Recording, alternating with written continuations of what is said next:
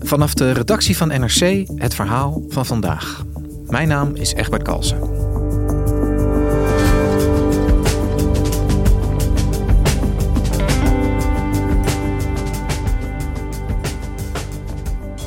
Sinds de oorlog in Oekraïne begon, is een enorme stroom vluchtelingen op gang gekomen. Veel Nederlandse gezinnen willen helpen met de opvang door mensen in huis te nemen. Maar in de praktijk blijkt dat ingewikkelder dan gedacht, ziet verslaggever Romy van der Poel. Zij volgde een gezin dat vol goede moed een moeder en haar zoon in huis nam.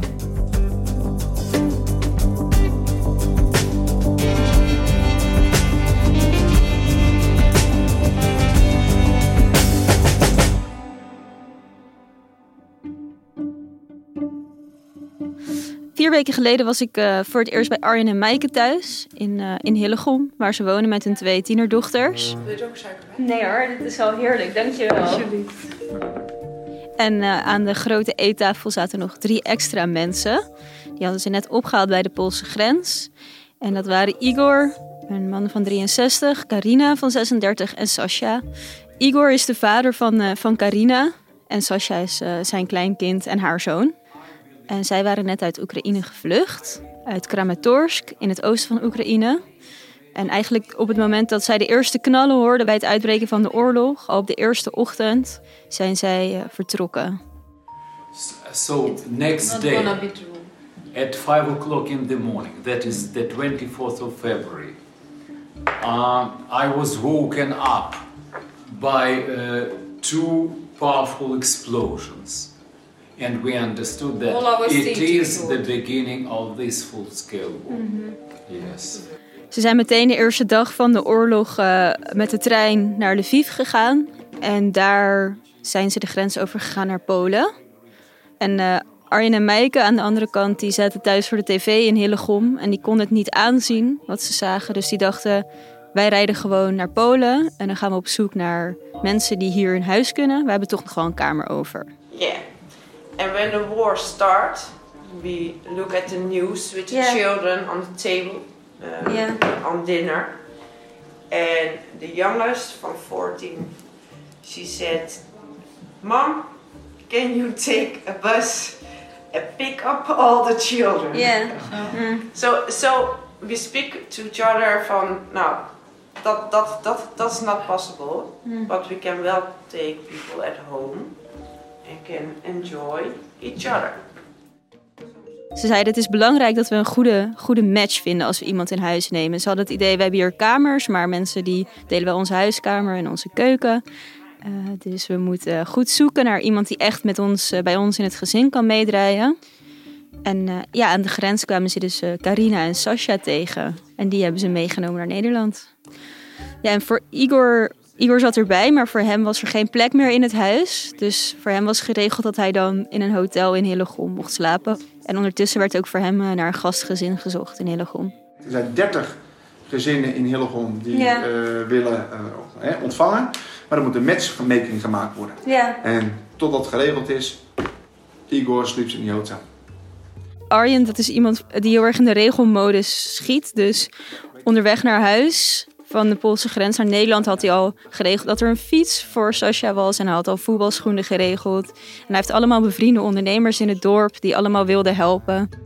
A friend of us has a sportschool here. He just sent me a message. Uh, you like Pilates and... Pilates, stretching, yoga. En yoga. Uh, vanavond van harte welkom. Koffie staat klaar. Krijg ze een pasje. Kun je lekker komen sporten. Maaike en Arjen waren eigenlijk een van de eerste in Nederland die een Oekraïner in huis hadden genomen. En ik dacht, uh, ja, ik wil dit wel wat langer volgen. Ja, Romy, jij, uh, jij hebt het gezin in, uh, in Hillegom uh, omarmd en dat heb jij gevolgd. Zijn er eigenlijk veel gezinnen in Nederland die dat doen, Oekraïense vluchtelingen opvangen? Dat weten we eigenlijk niet zo goed, omdat dat de eerste weken niet echt werd geregistreerd. Het was allemaal zo nieuw dat dat nog niet lukte. Dus er is niemand die een overzicht heeft van hoeveel mensen een Oekraïner in huis hebben genomen. Maar we kunnen wel zeggen dat zeker honderden Oekraïners bij Nederlandse gezinnen verblijven. Ja, en dat is denk ik uh, fijn als je in een soort thuisachtige situatie terecht kunt komen als je op de vlucht bent geslagen voor een oorlog. Is het eigenlijk ook nodig? Is het omdat er een tekort is aan, aan grote opvangplekken dat gezinnen ook een rol spelen in de opvang van de Oekraïnse vluchtelingen? Ja, nee. Al heel snel zijn gemeenten zelf plekken gaan regelen. Dus werden er hostels vrijgemaakt en hotels gehuurd. Dus het is niet nodig. Nee, want wat, wat doet de overheid zeg maar, aan opvang van de, de Oekraïnse vluchtelingen? Wat is ervoor geregeld? Nou, er werd besloten dat er 50.000 bedden moesten worden gemaakt. Die zijn er nog niet allemaal. Maar in een paar weken tijd uh, hebben gemeenten 30.000 bedden gecreëerd, noemen ze dat dan. Dus oude kantoorpanden omgebouwd. Maar het gaat ook om veldbedjes die in gymzalen staan. En daarvan zijn er nu 23.000 in gebruik.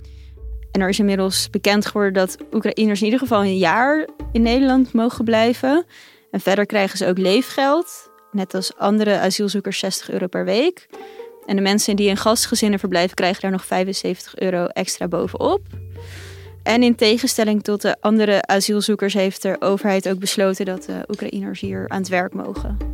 Ja, dus er is, er is veel gedaan zeg maar, om de Oekraïnse vluchtelingen op een goede manier op te vangen, ja. kan je zeggen. Zowel vanuit de overheid als, als door die gezinnen. Het klinkt allemaal alsof dat redelijk goed geregeld is. Ja, en tegelijkertijd is het ontzettend ingewikkeld. Omdat er een heel nieuw systeem eigenlijk wordt opgezet. Dus van eh, de bestaande infrastructuur voor gewone vluchtelingen wordt eigenlijk niet zoveel gebruik gemaakt. Alles moet opnieuw uitgevonden worden. En dan loop je natuurlijk tegen allerlei dingen aan. Deze vluchtelingen worden dus niet door het COA opgevangen, want dat zat op het moment dat de oorlog uitbrak al hartstikke vol.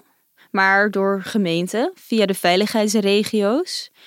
Uh, maar gemeenten hebben daar eigenlijk helemaal niet zo heel veel ervaring mee. Ik was bijvoorbeeld bij zo'n opvang in Sliedrecht en daar zat de ambtenaar van het gemeentehuis. Die zat daar tussen de Oekraïners in, omdat ze gewoon nog niemand hadden gevonden die die plek kon, uh, kon overnemen. Dus op papier is het allemaal heel snel opgezet en goed geregeld, maar ja, in de praktijk pakt het toch wel eens anders uit.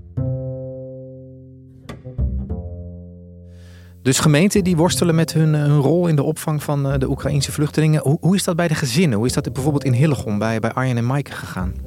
Um, nou, deze week ging ik weer eens bij ze langs om, om te kijken hoe het ging. En uh, Arjen die had, die had al wel geappt van kom maar even langs, want er, er is een hoop gebeurd de afgelopen tijd. En ik kwam zijn, uh, door zijn achterdeur binnen en eigenlijk zat alleen hij nog aan tafel. Dus uh, ja, het gezin was weg. Carina en uh, Sascha die waren ergens anders naartoe.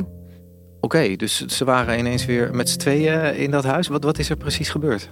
Nou, ik heb daar natuurlijk met Arjen en Carina over gesproken. Uh, en uh, zij vertelde eigenlijk dat er niet één ding was wat nu echt een doorslag gaf, maar dat er allerlei kleine irritaties waren die zich ontzettend hadden opgestapeld in al in een paar weken tijd, want ze zaten er bijna een maand. Waardoor Arjen en Mike op een gegeven moment besloten hebben dat het niet meer kon. En zij hebben toen de wethouder gebeld van Hillegom. En de gemeente heeft Carina en Sascha opgehaald. En die zijn eerst een nachtje in Hillegom, daar is ook een opvang, verbleven ze. En toen zijn ze naar Leiden gegaan. En daar zitten ze nu in een, uh, in een hostel. En kan je iets zeggen over wat dan de, de, de steen des aanstoots was? Wat, wat, wat klikte er niet? Waarom was het toch geen match om in de woorden van Arjen uh, te, te, blijven? Uh, nou, eigenlijk zeiden ze daarover allebei wel een beetje hetzelfde. Uh, Arjen en Mike hadden heel erg bedacht dat ja, als ze moeder en kind zouden meenemen, dat zij dan in het gezin konden meedraaien. Maar dat bleek in de praktijk ontzettend ingewikkeld. En een van die voorbeelden daarvan is het eten. Dus Arjen en Maaike wilden om zes uur eten en zij, Maaike deed ook de boodschappen. En ja, Carina die wilde eigenlijk gewoon om negen uur eten of om vier uur. En uh, ja, daar kwam, daar kwam wrijving over. Dus Maaike bleef de boodschappen doen en zij zeiden ook tegen Carina van zeg wat je wil en wij nemen het voor je mee. Maar voor Carina voelde het heel erg alsof zij daar niks meer over te zeggen had. Want Carina vertelde eigenlijk wel hetzelfde als Arjen over die andere gewoonten. Uh, zo vertelde ze bijvoorbeeld dat er uh, discussie ontstond over eieren, omdat haar zoon Sasha drie eieren stond te koken s ochtends. En Arjen en Maaike vonden dat uh, een beetje overdreven. nou ja, ze dachten verschillend over wat hun kinderen wel en niet mochten. Sascha moest straks naar school toe. Dan moet de jongen wel eten. Dan moet de jongen ook gewoon in het ritme komen. En dan kan hij niet om één uur naar bed. En als jij als moeder dat goed vindt, ja, bij ons gaan ze gewoon om half elf stil boven. Mm volgende dag hebben we gewoon ook weer school.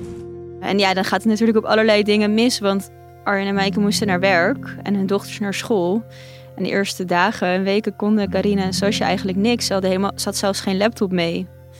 Dus die ritmes die verschilden natuurlijk. Dat ging ontzettend snel uiteenlopen. En ik denk dat dat wel de grootste struggling is geweest.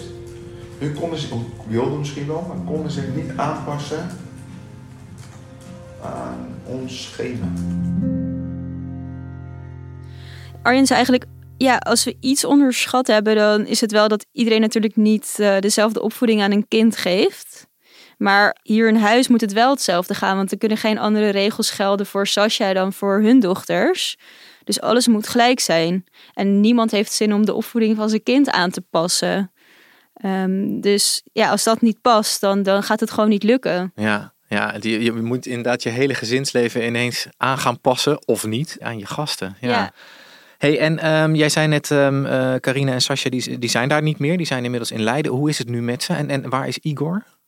Nou, Igor is naar een ander gastgezin gegaan in Hillegom. Ik was uh, vorige week bij hem langs. En het gaat eigenlijk heel erg goed met hem. Want hij heeft een eigen huis in de achtertuin daar. En uh, hij geeft gastles op scholen en hij spreekt dan Nederlands. Dus Igor heeft best wel zijn draai gevonden. Ik zeg, hij spreekt Nederlands, maar hij kan tot 100 tellen in het Nederlands in de dagen van de week. Zij is daar heel erg druk mee. I learned uh, the, the names of food like brood and worst and kaas and tomaten and so on. Ik sprak uh, Carina deze week nog en uh, het was natuurlijk heel vervelend gelopen in Hillegom. Maar ze was wel heel erg blij dat ze nu een eigen kamer had in een hostel van 14 vierkante meter. Ze hebben twee bedden, twee stoelen, een kast, een kapstok, vertelde ze. Carina zei, ja, ik kan nu in ieder geval zelf weer beslissen hoe laat ik eet en wat ik eet. En uh, die was die ochtend wakker geworden met berichten over bombardementen in Kramatorsk. Dus uh, ze zei, ik werd wakker met het gevoel dat ik heel blij ben dat ik uh, hier ben. Ja, ze zijn alleen niet meer in de buurt van, uh, van Igor, met wie ze samen gevlucht waren. dat lijkt me ook lastig voor, voor Sascha en Carina. Aan de andere kant, jij noemde net ook de worsteling van, van Arjen en Maaike. Hebben zij dat nou totaal verkeerd ingeschat? Dat ze er na een paar weken eigenlijk achterkwamen dat dat helemaal niet ging? Nou, eigenlijk zegt Arjen erover, het had ook wel gewoon kunnen lukken. Alleen wij bleken geen match. Maar voor hetzelfde geld was het wel gewoon gelukt. Wat zou je nu uh, tegen mensen zeggen die uh, nog overwegen om een, uh, iemand in huis te nemen? Proberen. Ja. Ja, weet je wat het is als je 100 Nederlanders op een rij zet? Ja. Ja, dat zal ook een. ja. ja. Dat zal ook niet altijd passen. Hey, en we hebben nu specifiek over, over deze twee mensen in Hillegom. Komt dit vaker voor? Zijn er al meer zeg maar, problemen bekend van gastgezinnen met hun uh, gevluchte Oekraïense mensen in huis?